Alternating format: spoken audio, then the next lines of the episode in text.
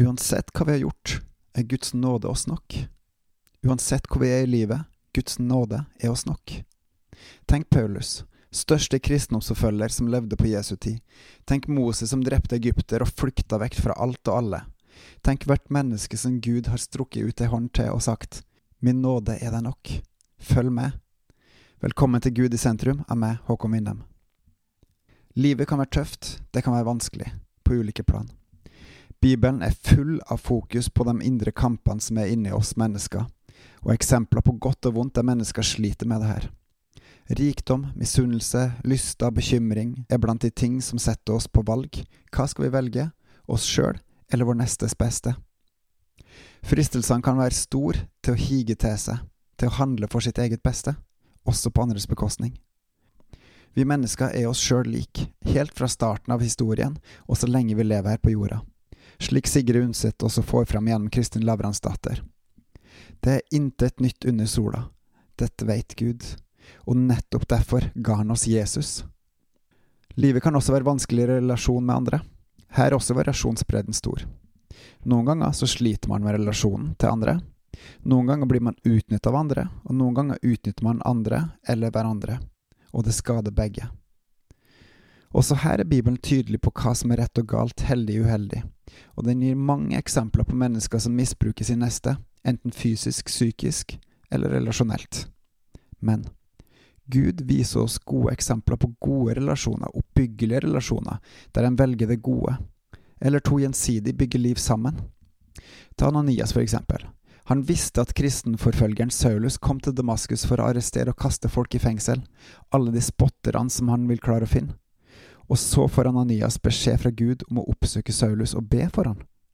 Ta evangelisten og apostelen Paulus, som risikerte livet sitt for at flere skulle komme til tro, og gjennom det opplevde å bli forfulgt, piska, steina til døde, trodde de i hvert fall, og som levde i sult og led skipbrudd på havet flere ganger.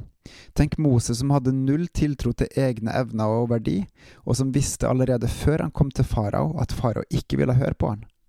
Og alle israelittene som klagde på han, gjorde opprør og prøvde å kaste han, både i Egypt og etter at han var blitt fri fra det egyptiske slaveriet. Tenk Samsom, som var altfor opptatt av dama, og som likevel bøyde seg for Gud og tjente han. Tenk Gideon, som var liten i egne og andres øyne, og som var sterk i Herren, og i det befridde sitt folk fra en gigahær. Og tenk Abraham som var barnløs og gammel, og som fulgte ordene fra en da ukjent Gud, og ble rikt velsigna.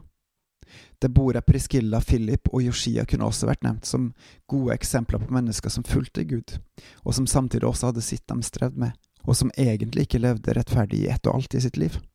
Men Gud så etter deres hjerte.